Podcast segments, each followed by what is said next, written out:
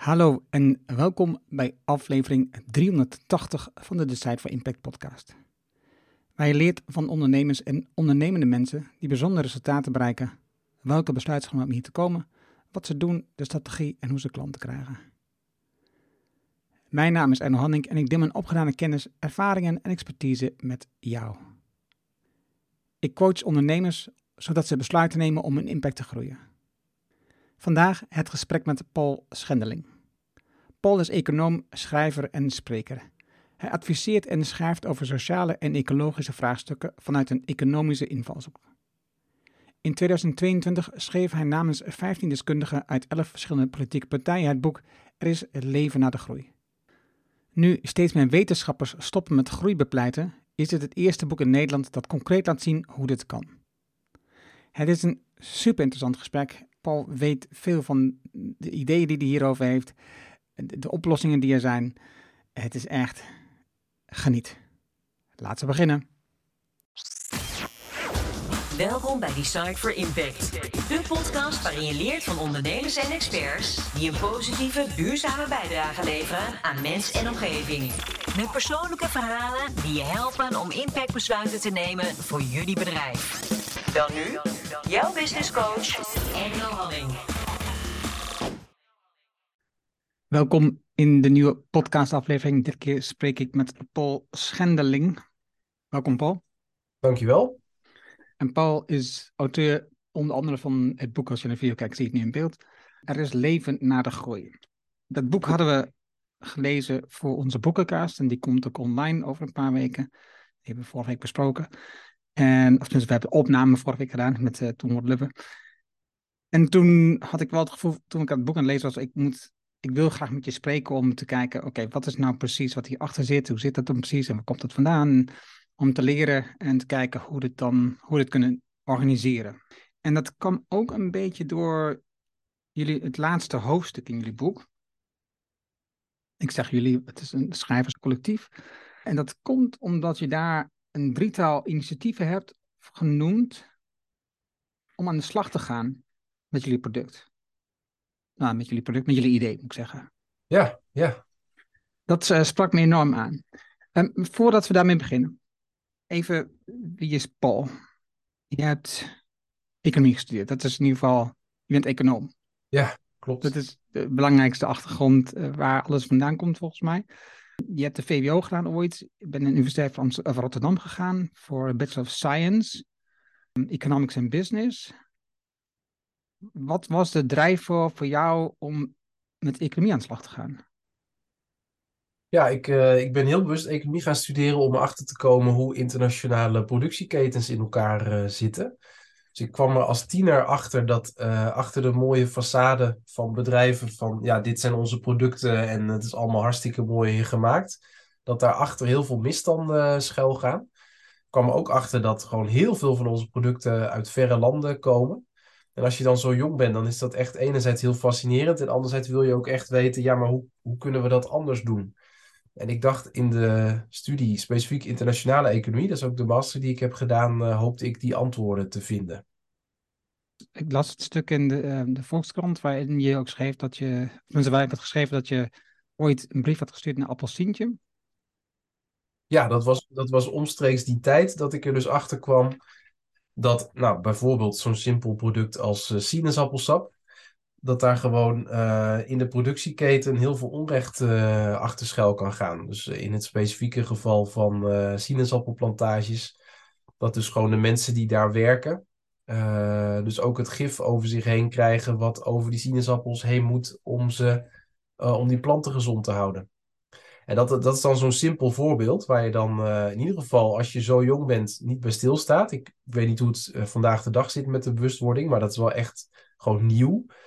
En waar je dan toch van afvraagt, ja, hoe is het mogelijk dat dat gebeurt? En dat we er zo weinig van weten en dat er uh, zo weinig uh, tegen gedaan wordt.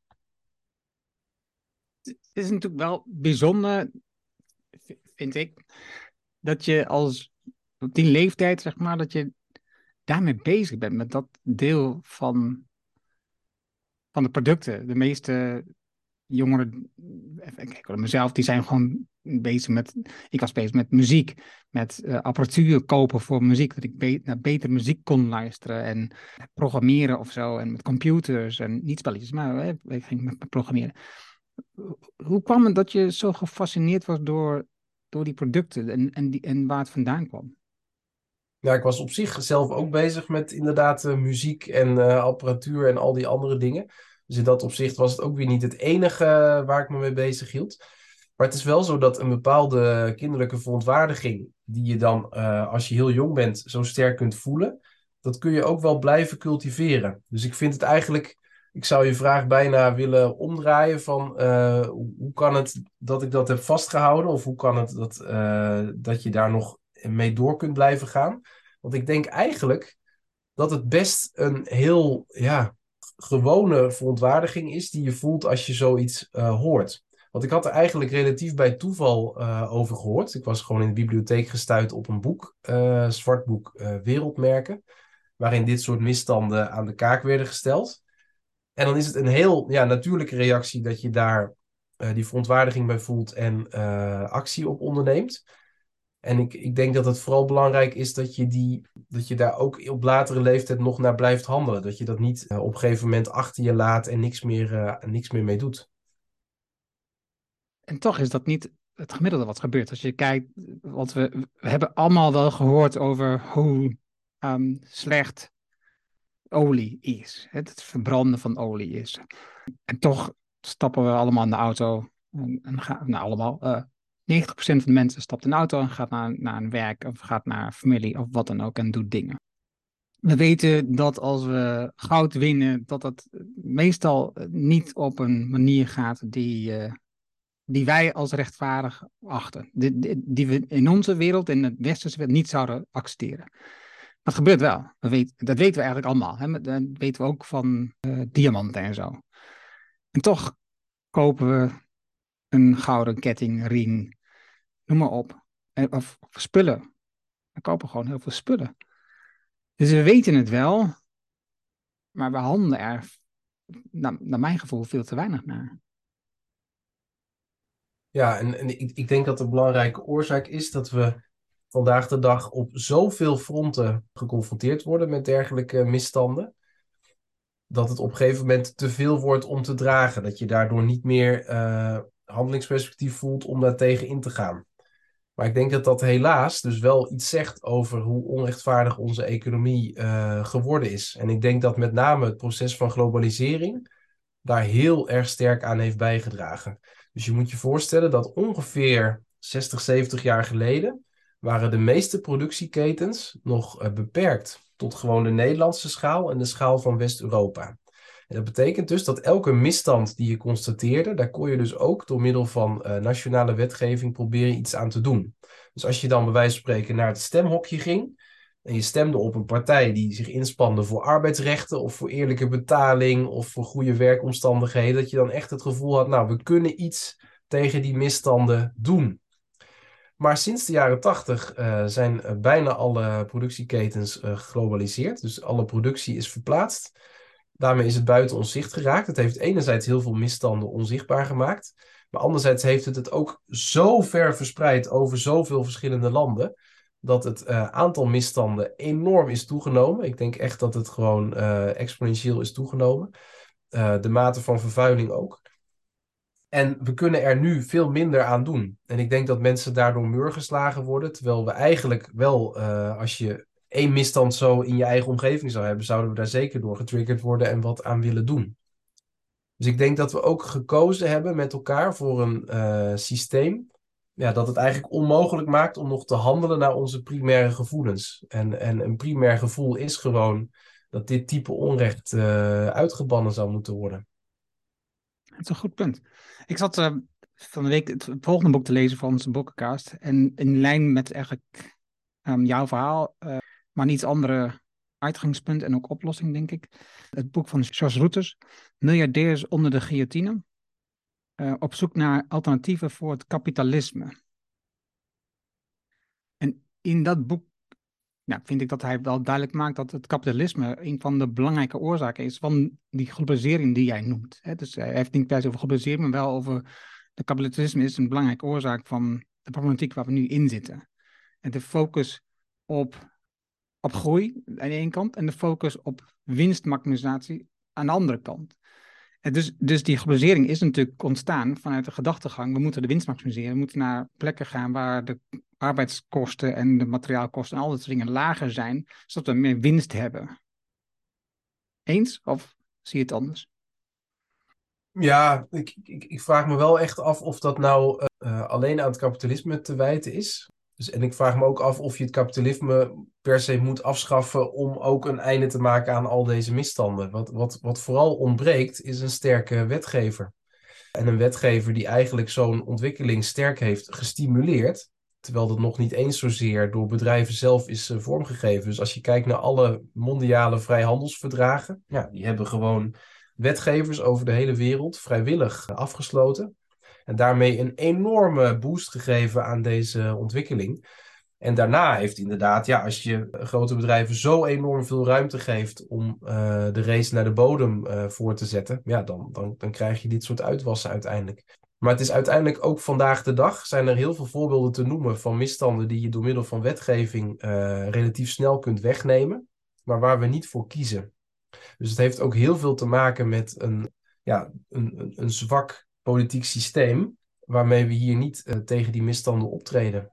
Dan ben ik wel benieuwd. Want die, die eerste wat je noemde, dus die, die, die, die mondiale um, verandering, dat je die open markt hebt. Waarom hebben ze op dat moment daarvoor gekozen dan? Wat was daar de achterliggende oorzaak? Want dat heb je vast onderzocht. Ja, ja. Nee, dat, dat, was toen echt uh, onderdeel van uh, ook een speerpunt vanuit de economische wetenschap. Uh, er zaten ook allerlei aannames achter. Nou, een van die aannames is dat als je mondiale vrijhandel hebt, dat, je dan, uh, dat iedereen erop vooruit gaat. Dus dat uh, alle handelspartners uiteindelijk dus ook daar beter van worden. van die belofte, die, die is sterk genuanceerd overigens, dus dat is niet helemaal waar gebleken. Is dat, is dat, is dat de trickle-down gedachte? Nou, dat is daar wel aan verwant. Ja, dus het is wel inderdaad dezelfde economische stroming geweest, die en uh, deregulering binnen landen heeft bevorderd. En deregulering gaat dan inderdaad bijvoorbeeld ook over uh, lage belastingen en weinig regelgeving uh, in de nationale economieën. Maar die inderdaad ook deregulering mondiaal heeft voorgesteld. Waaronder dus ook het slechten van handelsbarrières. Dat is inderdaad één en dezelfde economische stroming geweest. Maar die uiteindelijk wel dus ook een heel politiek karakter heeft.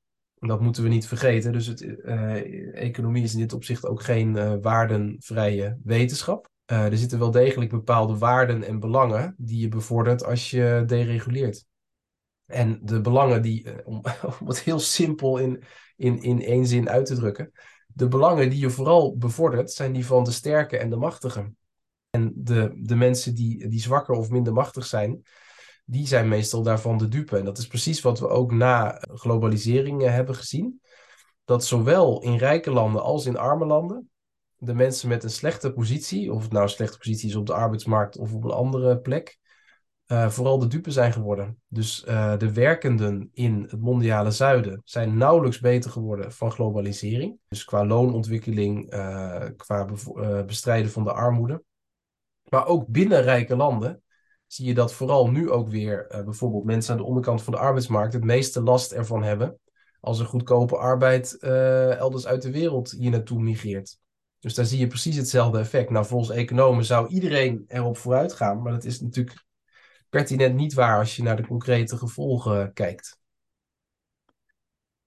Ja, en als je, als je dan de verhalen gelooft van de mensen die geloven in, nou ja, dus de technologie die gaat oplossing brengen, en eh, kijk naar de geschiedenis, hè, dus omdat we zijn gegooid, is de hele aarde uh, voor, erop vooruit gegaan. De mensheid wat aarde voor duidelijkheid. Hè, dus we, hebben, we zien dat eh, veel mensen nu, dus de kindersterfte is afgenomen, mensen leren, we hebben veel plekken energie, we hebben veel plekken toegang tot de communicatie, internet of sms of wat dan ook. Dus de hele mensheid op de planeet is er voor, op vooruit gegaan. Hè? Dus de, de, het geweld is afgenomen. Dus er, zijn heel veel goede dingen, dat houden we ons voor, heel veel goede dingen gebeurd daardoor over de wereld. Ja, dat, dat is helaas een mythe. Ik zal, ik zal uitleggen waarom het een mythe is. De voorop, voor de duidelijkheid, degene die het meest propageert, dat is in mijn optiek, degene die het ook bekend is Dan Pink natuurlijk. Hè? Dus die, die zit daar heel... Zeker, zeker. Ja, nee, er zijn echt uh, van die bekende ja, propagandisten van dit idee. En die, die proberen inderdaad alle uh, credits van wat er goed is gegaan in de afgelopen anderhalve eeuw, proberen ze te geven aan inderdaad liberalisme en ook aan economische groei. Terwijl er in feite één achterliggende oorzaak is dat we dit voor elkaar hebben gekregen. En dat heeft gewoon te maken met goedkope energie, dus met fossiele brandstoffen. Dus zonder fossiele brandstoffen had van alle economische groei van de afgelopen anderhalve eeuw vrijwel niets kunnen plaatsvinden. Dus ook van alle andere gevolgen die je maar kan bedenken, dus of het nou is uh, goedkope medicijnen of goedkoop transport of goedkope huisvesting. Of nou, je kunt eigenlijk alles, het hele rijtje van, van vooruitgang kun je wel invullen. Was nooit mogelijk geweest zonder die hele goedkope energie. en daarvan moeten we nu constateren dat die bijna over het hoogtepunt heen is qua productiecapaciteit. Dus de productiecapaciteit van fossiele energie. Daarvan zitten we nu aan het maximum. Terwijl het vrijwel onmogelijk is om die fossiele productiecapaciteit volledig te vervangen door hernieuwbare energie. Dat is het, het volgende mythe waar we in geloven. Dat we dan de volledige fossiele capaciteit wel kunnen vervangen door hernieuwbare energie. Dat is ook niet mogelijk. Dus we zullen met elkaar veel fundamenteler moeten nadenken. Uh, wat betekent het nou om genoeg te hebben voor iedereen? In plaats van te streven naar een overvloed die gebaseerd is op uh, een fossiele energiebron die eindig is gebleken, waarvan we in heel korte tijd veel te veel hebben opgemaakt, waardoor de voor toekomstige generaties ook niks meer over is. Ja, die herbezinning van wat betekent nou het goede leven? wat is een leven waar je gelukkig bent met elkaar, waarbij je niet excessief veel energie en hulpbronnen gebruikt? Ja, dat hele gesprek staat in de kinderschoenen, maar dat is wel het gesprek wat nu nodig is het eerste boek, en ook degene die mijn, zeg maar, die, een van de eerste die mijn tijdlijn verscheen, was Jason Hickel. Mm dat, uh, dat boek haal je ook aan in jouw boek. Zijn boek Less is More, of Minder is Meer in Nederland. Hij, is, hij, hij gaat, maar dat heeft natuurlijk te maken met dat hij een voorloper is. Hij gaat erg hard en fanatiek erin. Dat is wel de perceptie die ik heb, waardoor je ook soms moeite hebt om met hem mee te gaan, omdat hij ja. zo fanatiek ingaat dat, het, dat zeg maar, de, de handelingsperspectief waar je het over had, bijna verdwijnt. Zeg maar. Dus dat je ja. niet zo goed weet hoe je nou aan de slag moet gaan. Dat vind ik overigens wel weer een, het mooie aan jullie boek, jouw boek, uh -huh. is waar, waarmee je begint. Hè? Het begint met, leg het even uit, wat is, wat is jullie belangrijkste oplossing? Ja, Nee, ik ben, ben het helemaal met je eens, Erno. Ik vind soms ook dat Jason Hickel wel heel erg ver gaat in zijn diagnose. Dat hij bijvoorbeeld uh, blijft stellen dat je min of meer het kapitalisme moet afschaffen, wil je ook van uh, de mondiale problemen afkomen. Terwijl hij eigenlijk de rol van de wetgever, namelijk dat we eigenlijk heel veel kunnen doen als we andere wetten aannemen, uh, veronachtzaamt. Dus dat we eigenlijk veel meer kunnen om de uh, scherpe randen van het kapitalisme af te veilen door middel van goede wetgeving, uh, dan uit zijn boek blijkt. Dus in ons boek slaan we inderdaad een veel hoopvollere toon aan, namelijk dat het gewoon door middel van politieke actie mogelijk is met goed beleid om na een sociale correctie op het kapitalisme, wat we in de 20e eeuw hebben gedaan, toen hebben we ook gewoon goede lonen ingevoerd, goede arbeidsomstandigheden, allemaal binnen Europa door globalisering helaas buiten Europa weer voor een deel ongedaan gemaakt. Maar zo kunnen we nu in onze eeuw ook een ecologische correctie op het kapitalisme aanbrengen, ook door goede wetgeving uh, in te voeren. En een belangrijke verschuiving die daarvoor nodig is, zo stellen we in ons boek, is een uh, forse belastingverschuiving van arbeid naar consumptie. Dat zou enorm de wissels in de economie omzetten, om van een hele energie- en materiaal-intensieve vorm van uh, productie en consumptie over te schakelen op een veel energie- en materiaalarmere uh, vorm van productie en consumptie. Dus dat is eigenlijk een belangrijk voorstel wat we in ons boek doen. En waarmee je dus ook die transitie door middel van wetgeving al in gang kunt zetten. Wat goed is om te weten is, A, ik denk dat je het boek moet lezen. Dat is uh, mijn suggestie als je het luistert. Dat het boek is echt, echt super zinvol om te lezen. Waarbij je dus een progressieve manier aanhoudt om dit in te voeren. Dus je, je houdt er rekening mee dat je kijkt naar de verbruik van de persoon hoeveel ze aan consumentenproducten verbruiken en meestal te maken hoeveel ze verdienen. Die, die correlatie is direct aanwezig. Daar, daar ga je zeg maar, die heffing op aanpassen. En dat, dat maakt het wat mij betreft ook zeg maar, rechtvaardiger. Want je ziet natuurlijk bijvoorbeeld zoals met de gele hesjes in Frankrijk. Hè? Dus op het moment dat je de benzineprijs gaat verhogen met een belasting, omdat je wilt dat er minder brandstof wordt verbruikt, benader je daarmee de mensen die niet anders kunnen dan met de auto gaan. Die hebben gewoon geen andere oplossing, dat ze op plekken wonen waar gewoon geen openbaar vervoer is, bijvoorbeeld, om het te noemen. En dus die zitten, die zitten buiten dat zichtveld van die bestuurders, die op een veel luxe positie zitten, een veel ja. handige plek, omdat op dit moment, en datzelfde geldt voor bijvoorbeeld een vleestax. Hè. Dus het, eh, als we een vleestax zouden invoeren, is fantastisch voor degene die toch avocados eten. Mm -hmm. Maar dat, dat is niet handig voor iedereen, want het is niet voor iedereen haalbaar. Ja. Maar wat jullie doen is veel um, progressiever, waardoor je dus eigenlijk, en, en dat compenseer je dan met uh, de belasting op arbeid, waardoor je toch probeert de consumptie van goederen terug te dringen. Maar tegelijkertijd, als je al weinig hebt, dat dat niet ten laste komt van de huidige status van leven. Dat is niet het goede woord, het huidige welzijn die je hebt. Ja, precies, precies. Dat is een mooie samenvatting inderdaad. Dus um, dat, dat voorstel is inderdaad ontzettend belangrijk in ons boek, omdat je eigenlijk die sociale en die ecologische vraag niet uh, los van elkaar kunt zien. Dus het is inderdaad gewoon ontzettend belangrijk dat iedereen uh, in de samenleving die ecologische transitie die gewoon nodig is, omdat de toekomst van de aarde op het spel staat, dat iedereen die kan meemaken. Dus mensen van alle inkomensgroepen. En daarvoor is het dus ook nodig dat we belasting uh, op consumptie progressief maken. Dat wil zeggen dat als je heel veel negatieve impact veroorzaakt met je consumptie, dat het belastingpercentage dan hoger is. Maar dat gaat echt over de opgetelde impact. En dat zal in de praktijk betekenen dat vooral de rijkste uh, 10% en de rijkste 1% veel van die consumptiebelasting gaan betalen. En dat de overige 90% daar relatief weinig van betalen. En dat bovendien de overige 90% uh, via de uh, lagere belasting op arbeid ook gecompenseerd zal worden. Dat is eigenlijk in een notendop ons, ons voorstel. Ja, want we verbruiken op dit moment 3,5 aarde voor gemiddelde Nederlander. Jij zit eronder, maar gemiddelde Nederlander verbruikt 3,5 aarde in de consumptie, in de manier van leven. En als je dat zegt, dan eigenlijk is al kinderlijk eenvoudig, zou ik zeggen, om te realiseren dat kan dus niet. We kunnen niet... Ja als we maar één aarde hebben, kunnen we niet 3,5 aarde verbruiken. Dat is onmogelijk. En dan, zeg maar, de gedachte om naar Mars te gaan, dat is, dat is want, want daar heb je dan misschien een nieuwe aarde bij wijze van. Dat is niet de oplossing. Hè? Dus de oplossing zit gewoon op ja. deze planeet. En dat is on, onzin om te zeggen dat hè, we gaan daar naartoe om dat op te lossen. Belasting, ik heb daar heel veel vragen over van jou, Paul. Maar eh, belasting bijvoorbeeld, of, laat ik maar zeggen, wetgeving.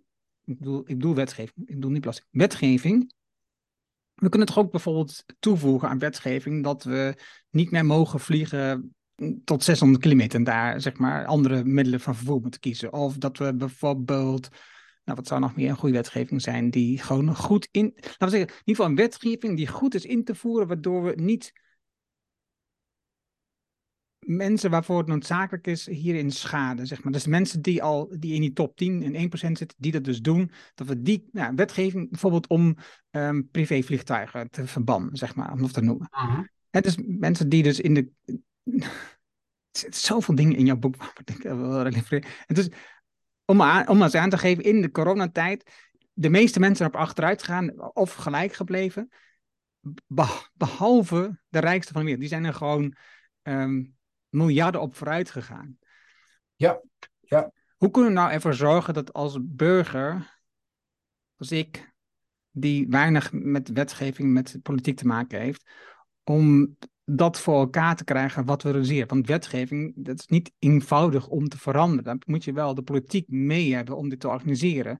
En de politiek op dit moment wordt nogal beïnvloed door die grote conglomeraties of corporates om, om juist die partijen voordeel te geven. Mm. Ja, nou ja, wat, wat gewoon ongelooflijk belangrijk is, is dat we dus de invloedrijke kringen bereiken met deze boodschap. Uh, die boodschap is namelijk ontzettend goed onderbouwd, ook wetenschappelijk gezien heel goed onderbouwd. Uh, we tonen ook aan dat het huidige paradigma, namelijk groene groei, dat je probeert economische groei te combineren met vergroening, dat dat niet werkt. En dat het dus ook echt noodzakelijk is om de consumptiegroei te beperken. En dat we dat bovendien op een eerlijke manier moeten doen. Ik denk dat dat allemaal argumenten zijn waar je heel veel mensen voor kunt vinden. Uh, en wat heel belangrijk is, is dat we dat inderdaad bij politieke partijen uitdragen, uh, maar ook bij uh, ministeries, bij mensen die het beleid voorbereiden dus, bij ondernemers, op universiteiten, waar dus aan nieuwe generaties economie wordt opgeleid enzovoort. Um, en ik denk dat met name ook de steun van ondernemers ontzettend belangrijk is, omdat in politiek Den Haag het gevoel leeft dat voor zo'n belastingverschuiving van arbeid naar consumptie uh, ook onvoldoende steun is van werk, uh, werkgevers en werknemers. ik denk dat het super belangrijk is dat ondernemers ook het signaal afgeven richting eh, Den Haag dat daar wel steun voor is. Het is immers een, een belastingverschuiving die ook heel veel voor ondernemers kan betekenen. Dus het betekent al heel rechtstreeks dat alle arbeid die je als ondernemer inhuurt goedkoper wordt. Dus dat is sowieso al een groot voordeel voor ondernemers. Het is bovendien uh, geen lastenverzwaring voor ondernemers die wij voorstellen. Dus wij stellen niet voor om daarnaast nog weer allerlei belastingverhogingen voor, uh, voor werkgevers in te voeren. Um, maar, en het zal bovendien betekenen dat allerlei verdienmodellen, die tot nu toe alleen maar met subsidies overeind gehouden kunnen worden, straks ook door middel van die belasting op consumptie vanzelf een verdienmodel uh, zullen worden. Dus omdat wij. Leg dat laatste eens uit. Ja, precies. Leg dat laatste eens uit. Ja, dat is inderdaad heel belangrijk. Dus um, daar moet ik nog iets meer dat idee van die belastingverschuiving inkleuren. Kijk, kijk, wij stellen dus niet voor om de belasting even generiek te verschuiven van arbeid naar consumptie, maar om heel specifiek te zijn. Namelijk om die belasting te verschuiven naar de meest vervuilende vormen van consumptie. Uh, dus je moet ook echt gaan meten aan de productkant van hoeveel uh, vervuiling, hoeveel energie en materiaal heeft dit product gekost. Het goede nieuws is trouwens dat de Europese Commissie vanaf volgend jaar ook al bij een aantal productcategorieën verplicht zo'n label gaat meegeven. Zodat ook meteen transparant is. Dit is de mate van vervuiling die dit product heeft veroorzaakt. En dat betekent dus dat je die belasting op consumptie ook moet koppelen aan de mate van vervuiling. En dat geeft dus aan consumenten een prikkel om producten te kopen die met minder vervuiling zijn gemaakt.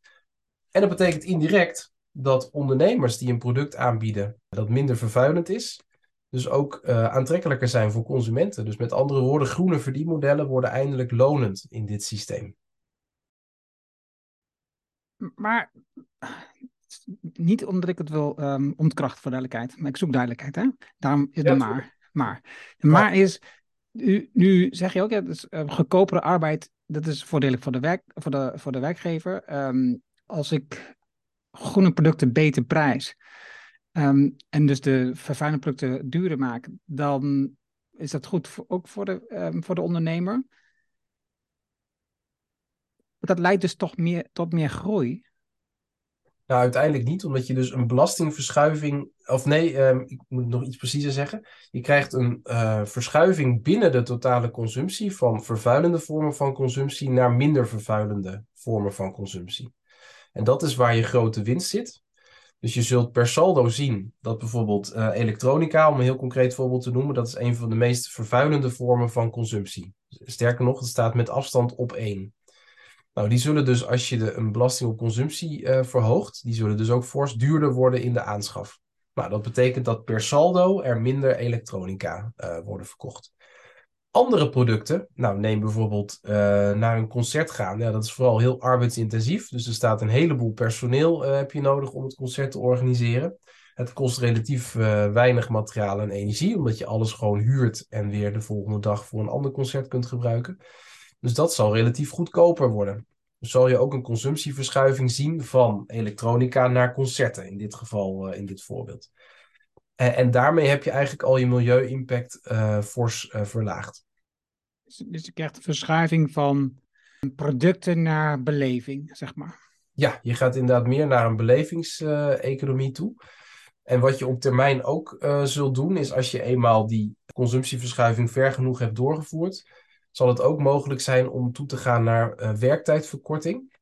Misschien om dat even heel kort toe te lichten. Die belastingverschuiving die zal er uiteindelijk voor zorgen dat ondernemers een prikkel hebben om allerlei overbodige uh, verspilling in productieketens zoveel mogelijk uit de keten te halen. Waar je nu bijna uh, alle elektronica de levensduur kunstmatig beperkt wordt, zodat de omzet gestimuleerd wordt, zal dat met een zware belasting op consumptie heel onaantrekkelijk worden. Immers, dat betekent dat je in de aanschaf een product heel duur maakt en het gaat ook nog eens snel stuk en dan moet je daarna weer zo'n ellendig uh, duur apparaat kopen. Dus er zal een prikkel ontstaan voor ondernemers om met slimme uh, lease-modellen te komen, met producten met een lange levensduur, die in de, qua maandkosten ontzettend uh, veel goedkoper zijn dan een heel vervuilend product. En zo zullen we heel veel verspilling uit de keten gaan halen. En doordat we die verspilling uit de keten halen, kunnen mensen op den duur ook minder gaan werken. En dat is waar die uh, werktijdverkorting om de hoek komt kijken. Naarmate we die verspilling uit de keten hebben gehaald, kunnen we op termijn, dus over een periode van 20 jaar, ook uh, ongeveer 20% collectief minder gaan werken. En het is uiteindelijk uh, de combinatie van een belastingverschuiving van arbeid en consumptie en werktijdverkorting, die ervoor zorgt dat ook de totale consumptiegroei gaat afnemen. Maar je hebt wel, en daarom is het toch belangrijk dat ik die twee allebei heb genoemd. Je hebt wel eerst het een nodig voordat je het ander kunt doen. Dus als je niet eerst die belasting verschuift van arbeid naar consumptie en die verspilling uit de keten haalt, gradueel, dan kun je niet de, uh, de werktijd verkorten. Want daar, daarmee zou je in feite natuurlijk uh, gewoon iedereen armer maken. Als je alleen de werktijd verkort, maar mensen krijgen niet meer waar voor hun geld.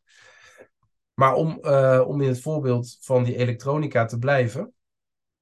als je door middel van die belastingmaatregel ervoor zorgt dat ele elektronica-fabrikanten er echt voor zorgen dat de levensduur van hun producten fors verlengd wordt. Wat trouwens makkelijk kan, want technisch gezien is dat al lang mogelijk. Um, dan zal eerst dus de welvaart toenemen doordat iedereen een product heeft wat veel langer meegaat. Zodat je op den duur ook, zonder dat het een algehele verarming betekent, de werktijden kunt verkorten.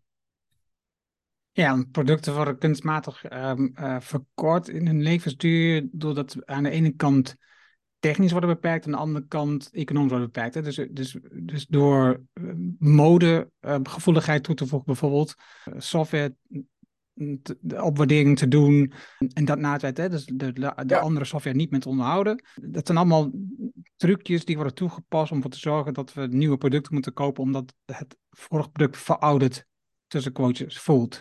Ja, ja, precies.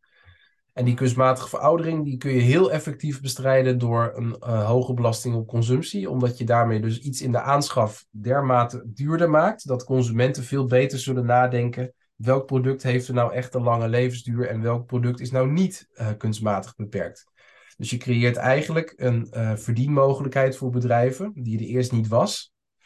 Namelijk om een product in de markt te zetten met een, uh, met een lange levensduur. En daarbij stimuleer je ook nog eens vakmanschap. Omdat je de, de, de prijs van arbeid, de belasting van arbeid verlaagt. Dus, de, dus de, ben je beter in de gelegenheid om een product wat, er, wat een lange leeft, dus bijvoorbeeld te repareren. Um, ja. Of te laten repareren en te verbeteren. Uh, modules uh, te, te, vervangen. Um, nu worden producten dichtgelijmd en hmm. is het heel ingewikkeld om iets te vervangen in een product wat eigenlijk een klein deel misschien vangt, want de rest is gewoon nog fantastisch goed. En ja, dan, dan, zie, dan zie je gewoon dat we eigenlijk het vakmanschap weer meer terug gaan brengen in plaats van vervanging. Ja, dat, dat, dat is ook een prachtig voorbeeld. Ik heb net vooral lange levensduur benadrukt, maar dat is natuurlijk een heel erg mooi aanvullend voorbeeld wat je nu geeft. En dat is inderdaad reparatie. Dus behalve dat producten een veel langere levensduur zullen hebben, zullen ze ook veel beter reparabel worden. Kijk, dat, dat heeft ook weer heel erg met die belasting op consumptie te maken. Die is, zoals ik al zei, gekoppeld aan het energie- en materiaalverbruik. Zoals ik al noemde, de Europese Commissie gaat straks een materialenpaspoort voor alle producten invoeren. Dus dan kun je gewoon precies zien hoeveel materiaal is er gebruikt voor dit product. En als je daar die belasting aan koppelt, dan zit er een enorme prikkel voor ondernemers in om producten modulair te gaan opbouwen. Dat wil zeggen dat als er iets stuk is aan het product, dat je dan die ene module, dat ene onderdeeltje vervangt, zodat je niet het hele product hoeft te vervangen. Uh, en voor de consument is dat ook weer ontzettend gunstig. Want die hoeft dan niet die materiaalbelasting te betalen voor het vervangen van het hele product, maar alleen voor het ene kleine onderdeeltje. Dus zo ontstaat er ook weer een win-win uh, aan die kant, voor zowel ondernemer als consument, door die gerichte belasting op uh, consumptie in te voeren. Uh, en daarbij komt, en dat is ook waar het systeem heel erg in elkaar grijpt, dat repareren voor ondernemers bovendien goedkoper wordt, omdat arbeid ook goedkoper wordt. Dus je ziet heel erg dat die hele systematiek van die belastingverschuiving echt in elkaar grijpt, omdat het dus uh, repareren aantrekkelijker maakt in het businessmodel, maar ook nog eens een keer goedkoper maakt in de uitvoering. Wetgeving. Je had het net over, hè, we moeten dan de politiek, lokaal, overheid, uh, educatie moeten we het gaan toepassen, we moeten het ondernemers over informeren. Nederland is een klein land. Een heel groot deel van de besluiten hebben rechtstreeks een connectie met wat er in Europa gebeurt. Is, waarom, waarom is het zo belangrijk dat je ingrijpt op de wetgeving van Nederland? En waarom zouden we niet, is het niet slimmer om het in Europa gelijk aan te pakken? Nou ja, het is, het is ook bedoeld om mensen het, het machteloze gevoel een beetje weg te nemen. Uh, het is dus in feite met het beleid wat wij voorstellen in het boek mogelijk om, al op Nederlandse schaal te beginnen. Want in tegenstelling tot het meeste milieubeleid, wat vooral de belasting voor ondernemers verhoogt, daarmee jaag je ondernemers weg. En daarmee maakt je het ook heel erg jezelf moeilijk als je dat type beleid wil gaan voeren. Ja, met, het, met een belasting op consumptie heb je dat nadeel veel minder. Dus je jaagt daar niet je eigen goede bedrijven mee over de grens. Dus je kunt daar in feite al wat verder mee gaan qua milieubeleid. Dan, met je, dan, dan je met nationaal beleid zou kunnen doen als je alleen maar richt op uh, beleid voor ondernemingen. Dus dat is een voordeel. Dat laat dus zien dat we eigenlijk binnen de eigen grenzen al meer kunnen dan we eigenlijk zelf uh, denken. Maar dat neemt niet weg dat het natuurlijk wel gunstig is om dit wel te gaan coördineren op Europees niveau. Uh, je ziet nu al dat de Europese Unie het meest vergaande milieumaatregelen treft als je, naar de, als je het vergelijkt met de andere continenten. Het gaat helaas nog lang niet ver genoeg, dus we moeten ook weer niet uh, op onze lauren rusten. Maar we zouden zeker moeten overwegen dat als we de belastingverschuiving van arbeid naar consumptie vormgeven, dat we dat dan ook samen met andere landen doen. Ja, want jij weet het natuurlijk. Als, als je kijkt naar invoering van wetgeving op dit gebied, hè, dus dan betekent dat je producten die van buiten komen, moet je dus, word je dus belast. Hè? Dat de meeste producten die in Nederland op de markt komen, elektronica producten bijvoorbeeld, die komen gewoon van buiten Nederland. Dus je, je gaat binnen Europa, um, ga je als Nederland strengere grenzen aanleggen, zeg maar, op dat gebied. Hè? Je met je belastingwetgeving ga je ervoor zorgen dat producten die van buiten komen aan andere voorwaarden voldoen als producten die in je eigen land. Nee, dat is niet waar. Die doen natuurlijk aan dezelfde voorwaarden. Maar is dat mogelijk binnen, binnen de Europese uh, samenwerkingen? Ja, dus nu hebben we ook een belasting op consumptie. Alleen dat is een vlakke heffing. Die, uh, dat, dat, is gewoon de BTW. Het is een vlakke heffing die voor alle producten bijna gelijk is. We hebben wel voor groentes bijvoorbeeld een lagere BTW-tarief. Nou, in feite is ons voorstel een soort verdergaandere differentiatie van de BTW. Waarbij je inderdaad voor de heel weinig vervuilende producten misschien inderdaad wel die hele belasting op consumptie weghaalt. En voor de heel erg vervuilende producten misschien die belasting op consumptie nog veel verder verhoogt. Dus het is ook weer niet zo wezenlijk anders dan wat we hmm. doen. Het is alleen wel echt een vergaande voortzetting van een beleidsrichting die we eigenlijk al, uh, al een beetje hebben ingezet. En het is ook wel een beleidsrichting waar veel economen het over eens zijn dat het heel nuttig is om te doen. Dus we, er wordt ook veel gezegd dat arbeid in Nederland te zwaar belast is. Waardoor het ook heel onaantrekkelijk is om maatschappelijk nuttige arbeid te, te verrichten. Als je nu kijkt, je had het over, dus het is van belang dat we dus die uh, partijen daarover informeren, dat ze het gaan zien. Wat is, wat, is wat, wat ik als, als burger, als consument, als luisteraar nu, wat jou betreft, het beste kan doen? Nou ja, ik, ik zou uh, twee dingen kunnen noemen. Het eerste wat ik me zou afvragen, uh, en dat is wat ik iedereen uh, aanraad en wat gelukkig ook tot heel veel respons uh, leidt, is kijk eens in je eigen omgeving. Ehm, waar ben ik allemaal lid van of onderdeel van, waar ik invloed kan uitoefenen op het beleid? Dat kan zijn binnen de eigen organisatie waar je werkt. Misschien ben je zelf ondernemer of misschien ben je werknemer bij een bedrijf. Maar kun je dus al invloed uitoefenen op het beleid van je eigen onderneming. Uh, en daarmee kun je dus ook al voorsorteren op die verandering uh, van uh, andere consumptiepatronen. Maar het kan ook zijn dat je bij spreken iemand kent die bij een overheidsinstantie werkt, bij een ministerie werkt of ergens in een gemeenteraad zit of binnen de provinciale staat lid is. Ehm, en ook daar kun je eigenlijk al beleid gaan voeren wat voorsorteert op deze andere economie. Uh, en tot slot heb je natuurlijk ook gewoon uh, mogelijk uh, invloed in politieke kringen in Den Haag. En ook daar is het ontzettend belangrijk om die boodschap uit te dragen dat deze verschuiving echt noodzakelijk is. Dus het is gewoon heel belangrijk dat je je eigen contacten als het ware benut om deze boodschap verder te brengen. dat is ook hoe we trouwens als auteurs van het boek zelf doen. Dus we hebben ook allemaal contact gezocht met onze eigen woordvoerders in de Tweede Kamer. Dus het boek hebben we geschreven met mensen uit uh, elf verschillende politieke partijen. Nou, en we hebben eigenlijk alle elf hebben we gewoon onze eigen woordvoerder gebeld. Uh, het boek voorgelegd, uh, het gesprek daarover aangeknoopt en echt die boodschap gebracht van zoals we nu op dit moment onze economie vormgeven, gaan we tegen de muur oplopen. We kunnen beter anticiperen dan dat we nog langer wachten en straks echt keihard tegen die muur oplopen. Dus dat, eh, dat proberen we zelf ook op die manier eh, te doen. En ik denk de tweede manier wat je ook kan doen, is door in je eigen huishouden al uh, te anticiperen op dat nieuwe consumptiepatroon, wat gewoon echt noodzakelijk is. En dat is vooral door te kijken naar de impact van spullen, uh, is mijn advies. Dus als je kijkt naar wat de grootste impact heeft van alle vormen van consumptie, dan zijn dat spullen. Dat is best verrassend, maar dat is toch wel zo. Dus met name bij de productie van spullen uh, gaat gepaard met enorm veel vervuiling, zowel in termen van broeikasgassen, maar ook in termen van materiaalgebruik en uh, toxische stoffen die daarbij uh, gebruikt worden. Dus je kunt eigenlijk zelf ook al een voorschot nemen op die verandering door minder spullen te kopen en bij spullen die je koopt er echt op te letten dat die spullen een lange levensduur hebben en gerepareerd kunnen worden. Dus dat zijn eigenlijk de twee dingen die ik aanraad. Van kijk in je eigen omgeving van kan ik met deze boodschap mensen met invloed beïnvloeden. En het tweede is kijken je eigen huishouden. Kan ik al anticiperen op dat andere consumptiepatroon uh, wat nodig is?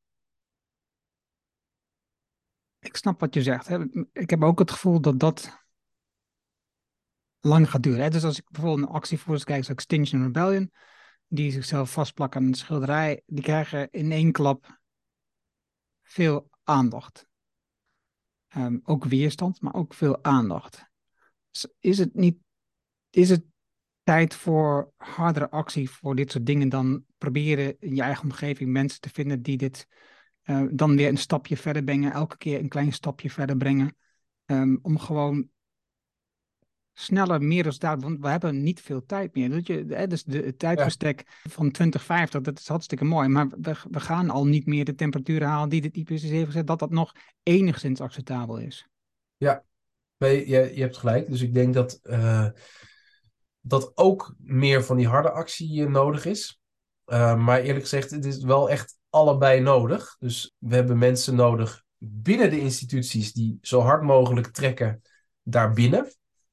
Dus ook gewoon ja, wat, wat ik zelf probeer om gewoon de mensen met invloed die ik spreek echt stevig erop te wijzen dat ze gewoon echt veel te weinig doen. Ook geloven in een vorm van wensdenken als ze groene groei blijven nastreven. Ben ik echt vrij hard in. En daarnaast heb je ook gewoon de groeperingen buiten de instituties nodig, die gewoon laten zien, op meer emotionele wijze en met, met meer pressie ook, dat er echt veel meer verandering nodig is. Dus ik denk dat dat allebei nodig is. Ik zie ook echt voor allebei een hele nuttige rol weggelegd. En ik denk dat elke luisteraar ook voor zichzelf kan afwegen van ja, zie ik nou voor mezelf meer een rol binnen of buiten de instituties, maar we hebben wel echt iedereen nodig. Dus uh, pak vooral je eigen rol, eh, zou ik zeggen. En wat, wat zie je dan de rol van Just Enough? Dat is een van die initiatieven die het, uh, waar je mee bezig bent. Ja, we proberen inderdaad zelf vanuit onze stichting proberen we allerlei vormen van collectieve actie ook uh, te bevorderen. Dat vinden, daar krijgen we zelf ook veel energie van, want er zijn gewoon heel veel mensen die willen meehelpen. Nou, ik noemde eigenlijk uh, twee vormen van uh, actie die je kunt nemen. En we hebben ook voor elk van die twee vormen hebben we een organisatie in het leven geroepen, waarmee we daar samen in kunnen optrekken. Voor mensen die in hun eigen huishouden aan de slag willen en die een ander consumptiepatroon willen nastreven en die willen, dat, willen weten welke bedrijven daar goed mee bezig zijn, hebben we Just Enough uh, opgericht. Dat is een organisatie die onafhankelijk onderzoek doet naar productieketens. En die dus zelf uh, onderzoekt waar komen je producten vandaan, zijn ze eerlijk en duurzaam tot stand gekomen en heeft het product ook een lange levensduur. We werken daarin samen met een Britse partnerorganisatie, Ethical Consumer. Een organisatie die al sinds 1989 onafhankelijk onderzoek doet naar productieketens. We hebben met hen een uh, exclusieve licentie afgesloten dat we al hun fantastische onderzoeken mogen vertalen naar het Nederlands. Om heel veel Nederlandse consumenten te helpen om ook hun uh, leefstijl te veranderen. Dus dat is zeker heel boeiend. Ik zou zeker aanraden om even op justenough.nl te kijken naar onze nieuwste productbeoordelingen. Daarnaast heb ik natuurlijk ook mensen opgeroepen van probeer in je eigen omgeving invloed uit te oefenen. Nou, dat proberen we zelf vorm te geven via onze netwerkorganisatie Postgroei Nederland. Uh, Postgroei Nederland richt zich echt vol op de beleidsbeïnvloeding.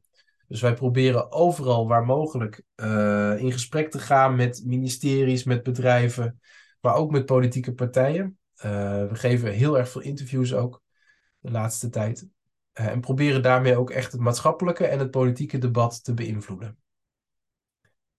Dus ja, dat, dat zijn de twee organisaties maar, waarmee we eigenlijk onze krachten proberen te bundelen en samen zoveel mogelijk invloed uit te oefenen. Ik kan me voorstellen dat jij bent je hebt, je hebt ontzettend veel onderzoek gedaan op dit gebied. Hè? Je bent belezen en beleerd op dit onderwerp. En het is eenvoudiger voor jou om het moment dat er een. Je kan natuurlijk iets aankaarten, maar je krijgt altijd weerwoord. Er zal altijd een discussie ontstaan over mhm. de visie die je hebt. Dus als je praat over uh, postgooien, we moeten verminderen met consumptie, zeggen, zeggen natuurlijk de huidige partij: nee, we geloven in een brede welvaart en, en daar werken we ook aan. En we zitten daarnaast in op uh, vernieuwing van bedrijven. we, we, zetten in op wind- en zonne-energie bijvoorbeeld. En we, geloven in het feit, en dan zegt ze niet het woord groene groei waarschijnlijk, maar we geloven in het feit dat technologie, ons gaat helpen om dit probleem op te lossen. En daarin stimuleren we ook de bedrijven in onze regio. Dus krijg je dit te verhalen. Maar hoe doorbreek je nu dat soort verhalen eh, als je, als je want niet zoveel um, onderzoek hebt gedaan zoals jij? Laat het even zo brengen. Oké. Nou ja, ik denk dat het een, ja, een soort gezonde sceptisch ten opzichte van die technologieverwachtingen, dat het echt essentieel is om ook bepaalde mythes uh, door te prikken. En ik denk dat de meest eenvoudige manier om uh, de mythes van welke aard ook door te prikken, is uh, door het besef in te laten dalen dat grondstoffen eindig zijn. en dat die zelfs in heel belangrijke mate al aan het opraken zijn. Dus eigenlijk voor welke uh, mythe je ook hoort, of het nou inderdaad is, we blijven doorgroeien, maar dan met alleen maar hernieuwbare energie, of we gaan al onze grondstoffen van Mars halen, of uh, welke andere variant dan ook. Voor elk van die varianten geldt dat ze ongelooflijk veel materialen kosten. En die materialen die zijn er simpelweg niet. Um, en ik denk dat dat ja, een beetje gezonder verstand van um, um, de aarde is eindig. De aardse grondstoffen zijn eindig. En we kunnen niet onze oneindige behoeftes blijven projecteren op nou ja, iets wat uiteindelijk eindig is. Ik denk dat dat gezonder verstand, dat dat, maar dus, en, en daaruit voortkomend ook een gezonde scepsis ten opzichte van elke belofte dat we dat wel uh, op die manier gaan oplossen heel belangrijk is. Want uiteindelijk, het woordje technologie, ja, dat klinkt dan als een soort uh, panacee van iets wat alles oplost. Maar uiteindelijk kosten al die uh, technologieën allemaal ontzettend veel uh, materiaal. en, en dat is nu juist eindig. dus we moeten met elkaar die nuchterheid weer een beetje vinden. Van natuurlijk is het mogelijk om nog het goede leven te behouden. Sterker nog, ik denk dat er echt ontzettend veel vooruitgang nog mogelijk is om met veel minder energie en veel minder materialen veel gelukkiger te worden met elkaar. Maar dan moeten we wel veel creatiever omgaan met die energie en materialen die we nog hebben. En dat is een soort mindshift. In plaats van alles op te lossen met technologie, zullen we veel creatiever zelf moeten worden. Uh, en laten we die creativiteit in onszelf een beetje aanboren en zeggen van hé, hey, hoe kunnen we nou maatschappelijke problemen uh, oplossen met minder energie en materialen? Nou, laten we daar gewoon met elkaar over nadenken en iets slims bedenken. Ja, waarbij ik dan nog graag aanvul, en, en dat staat ook in je boek voor duidelijkheid, is dat er zit een duidelijk verschil tussen welvaart en welzijn. Die, hmm. die, die, zijn, die zijn niet aan elkaar gekoppeld. Het lijkt wel zo, maar het is niet zo. Dus, eh, we zien bewijslast dat in Amerika bijvoorbeeld de levensverwachting gaat onderuit. We zien in de wereld, dat, uh, in het Westen vooral, dat de uh, stress van mensen toeneemt. Mensen zijn minder gelukkig en zijn gewoon stressig, moeten harder werken. Dat heb je ook gezegd. Hè? Je, je, je, je koopt producten die snel verouderen, waardoor je harder moet werken. Um, omdat je meer producten nodig hebt. Dan Mhm. eigenlijk, je moet harder werken dan eigenlijk nodig is. Hè? Dus als producten lang is, ja. hoef je minder hard te werken.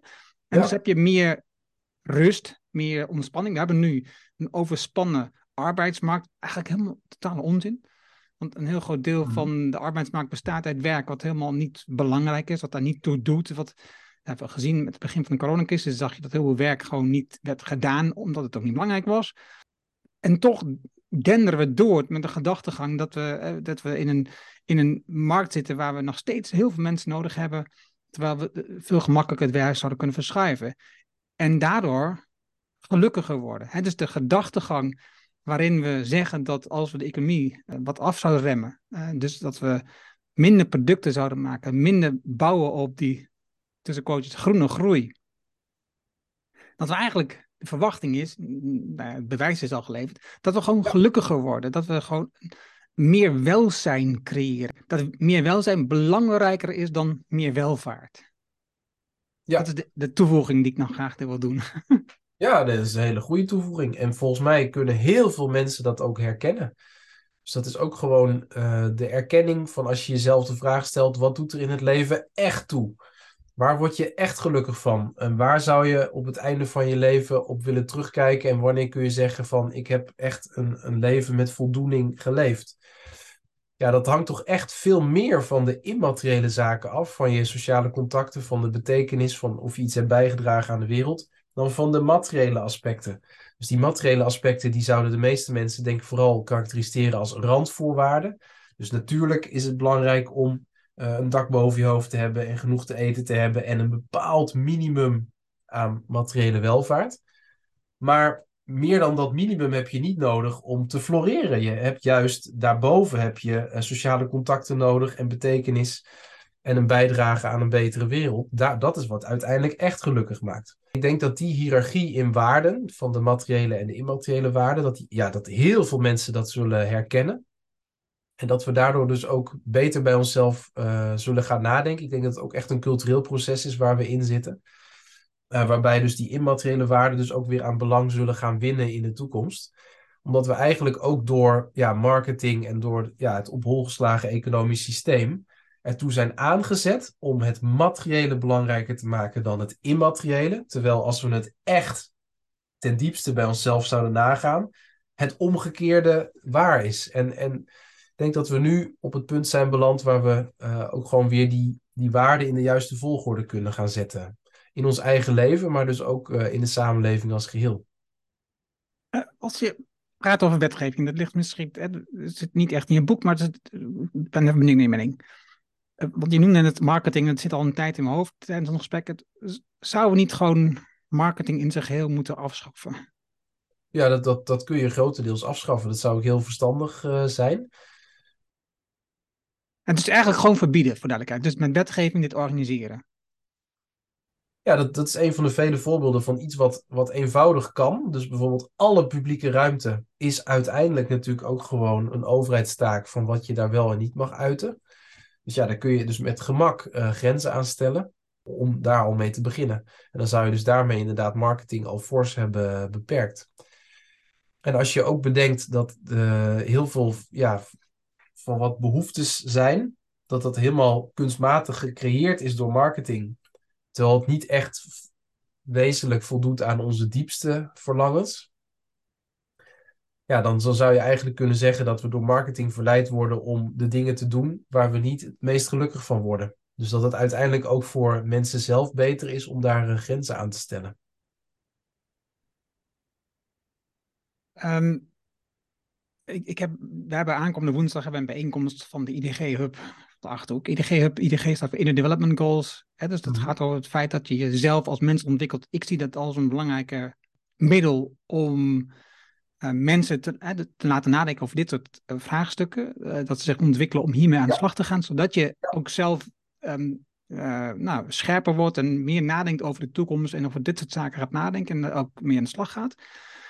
En in voorbereiding daarop, en ook in een gesprek die ik had met degene die, die, daar, die ik ga interviewen woensdag, hebben we het gehad over B Corp. Ja. B Corp ken je. Dat is een organisatie die, die eh, bedrijven langs een meetlat legt, als ik het heel negatief uitdruk, om te bepalen hoe, ehm, nou ja, hoe, hoe, hoe, goed ze bezig zijn. Wat is, wat is, ik kan mijn visie geven. Wat is jouw visie op B Corp? Ja, ik vind het een, een heel mooi initiatief, omdat het eigenlijk bedrijven in het zonnetje zet die ondernemen om meer redenen dan alleen maar de winst.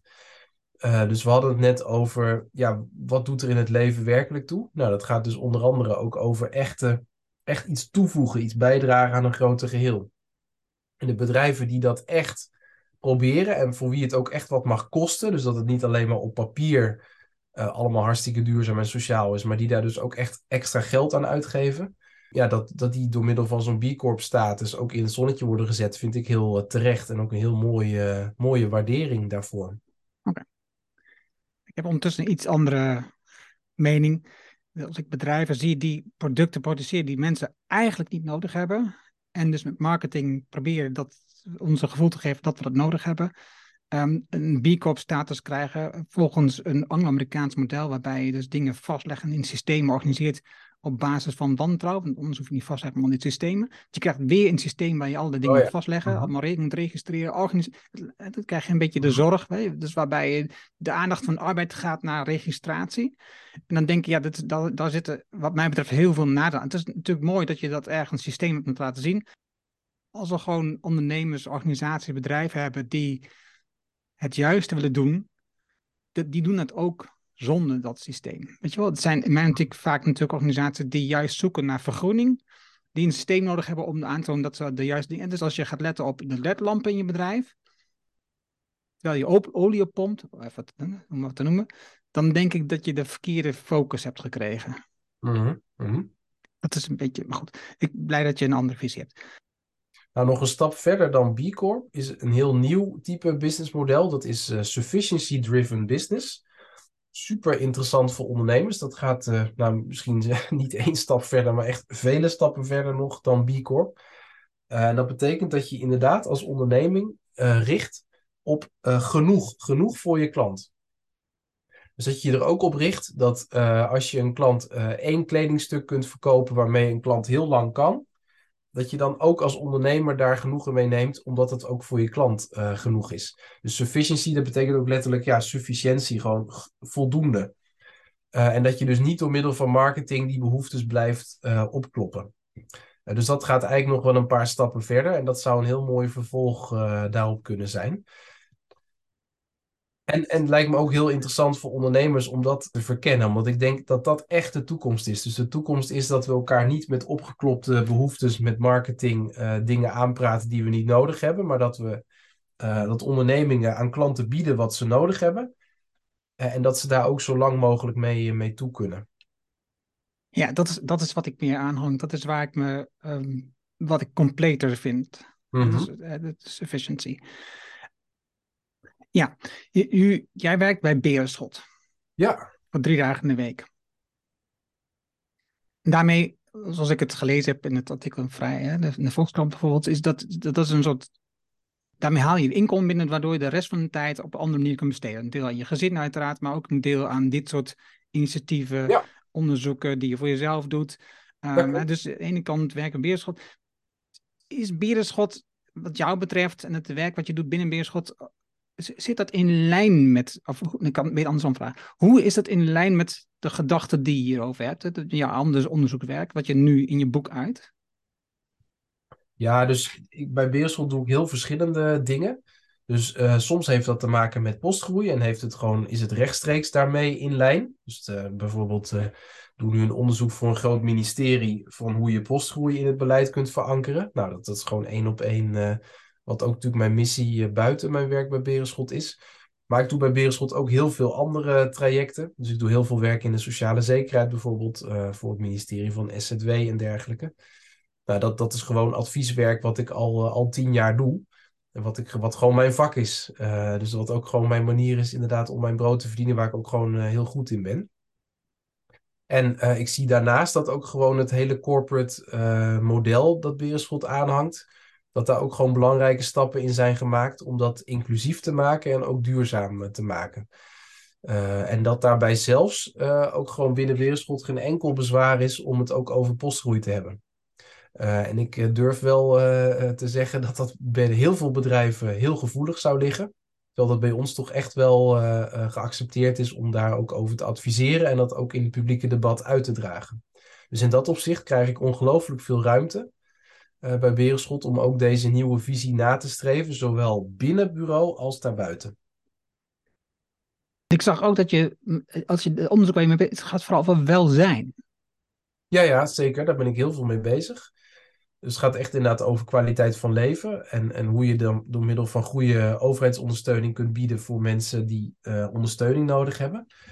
Dat is wat ik in mijn dagelijks werk de afgelopen tien jaar heel veel heb gedaan.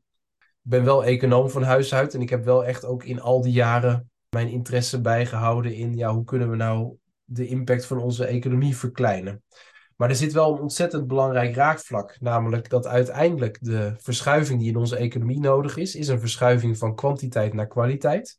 En dan heel specifiek een verschuiving van consumptiegroei naar uh, groei van kwaliteit van leven. Dus ook gewoon die hele focus op kwaliteit van leven, die ik eigenlijk in mijn werk al, uh, al jaren had, die komt nu wel heel erg van pas, moet ik zeggen, bij het nadenken over een nieuw economisch model, waar eigenlijk kwaliteit van leven echt super belangrijk is en hopelijk ook weer eh, centraal komt te staan. Ja, mooi. Ik uh, dank je wel. Ik heb echt, wat ik al, al een paar keer gezegd, ik heb nog heel veel vragen eigenlijk voor je, maar ja. het is ongelooflijk. Ik hoop ook dat we eh, vaker de gelegenheid hebben om over dit soort dingen uh, te discussiëren, dat ik je wat vaker ook kan vragen hierover, om, en misschien zelfs weer in een volgend podcastgesprek, omdat ik mm -hmm. wil bijdragen aan zeg maar, het het, het uitdragen van dit beeld, van deze, van deze gedachten. Ja. Um, je boek en je gedachten zal ik meenemen, dus ook, ook eh, woensdag weer. Omdat ik denk dat we met elkaar actie moeten nemen om dit op te pakken. En, dus, en dit is één van de oplossingen. Um, ik, ik, ik denk niet dat het de enige is, maar het is wel één van de oplossingen. En, uh, en, en wat ik ervan snap tot zover, is het een hele goede oplossing om in slag te gaan. Mooi, ja, goed om te horen. En uh, fijn dat je het wil helpen uitdragen, Erno. Ja, dankjewel, Paul. Ja. Dat was het gave gesprek met Paul. Je vindt de namen en links die we noemden in het artikel dat bij deze uitzending hoort. Ga daarvoor naar de site slash show 380. Wil je vanzelf automatisch de volgende aflevering van deze podcast op jouw telefoon ontvangen? Dat kan heel eenvoudig. Heb je een iPhone, dan zit daar standaard de Apple Podcast app op. Open deze app, zoek op de Decide for Impact podcast en klik op abonneer. Oh ja, je moet ook een vinkje aanzetten dat je de aflevering wilt downloaden. Heb je een Android-telefoon, installeer dan eerst bijvoorbeeld de Player FM app. Open die app, zoek op de Decide for Impact podcast en klik op abonneer. Dankjewel hiervoor. Heb je vragen, opmerkingen, reacties over dit gesprek met Paul of over de podcast in het algemeen, stuur dan een e-mail naar podcast.decideforimpact.com en ik hoor super gaaf van jou. Wil je meer impact, meer resultaat, meer effect van je werk en meer effect voor de mensen met wie je werkt? Download dan het whitepaper Winst en Impact met lange termijn besluiten op decideforimpact.com. Dit is mijn nieuwste whitepaper en daarom download het helemaal gratis. Je hebt zelfs een e-mailadres nodig. Mijn nieuwste boek is altijd gratis. Vraag het daarom nu aan. Vraag jouw whitepaper aan op decideforimpact.com. En ik weet, je hebt een volle agenda. Je leest het in één avond tijd. Dankjewel voor het luisteren en graag tot de volgende. Dankjewel voor het luisteren naar deze aflevering van de Decide for Impact podcast. Ga voor jouw volgende stap naar decideforimpact.com.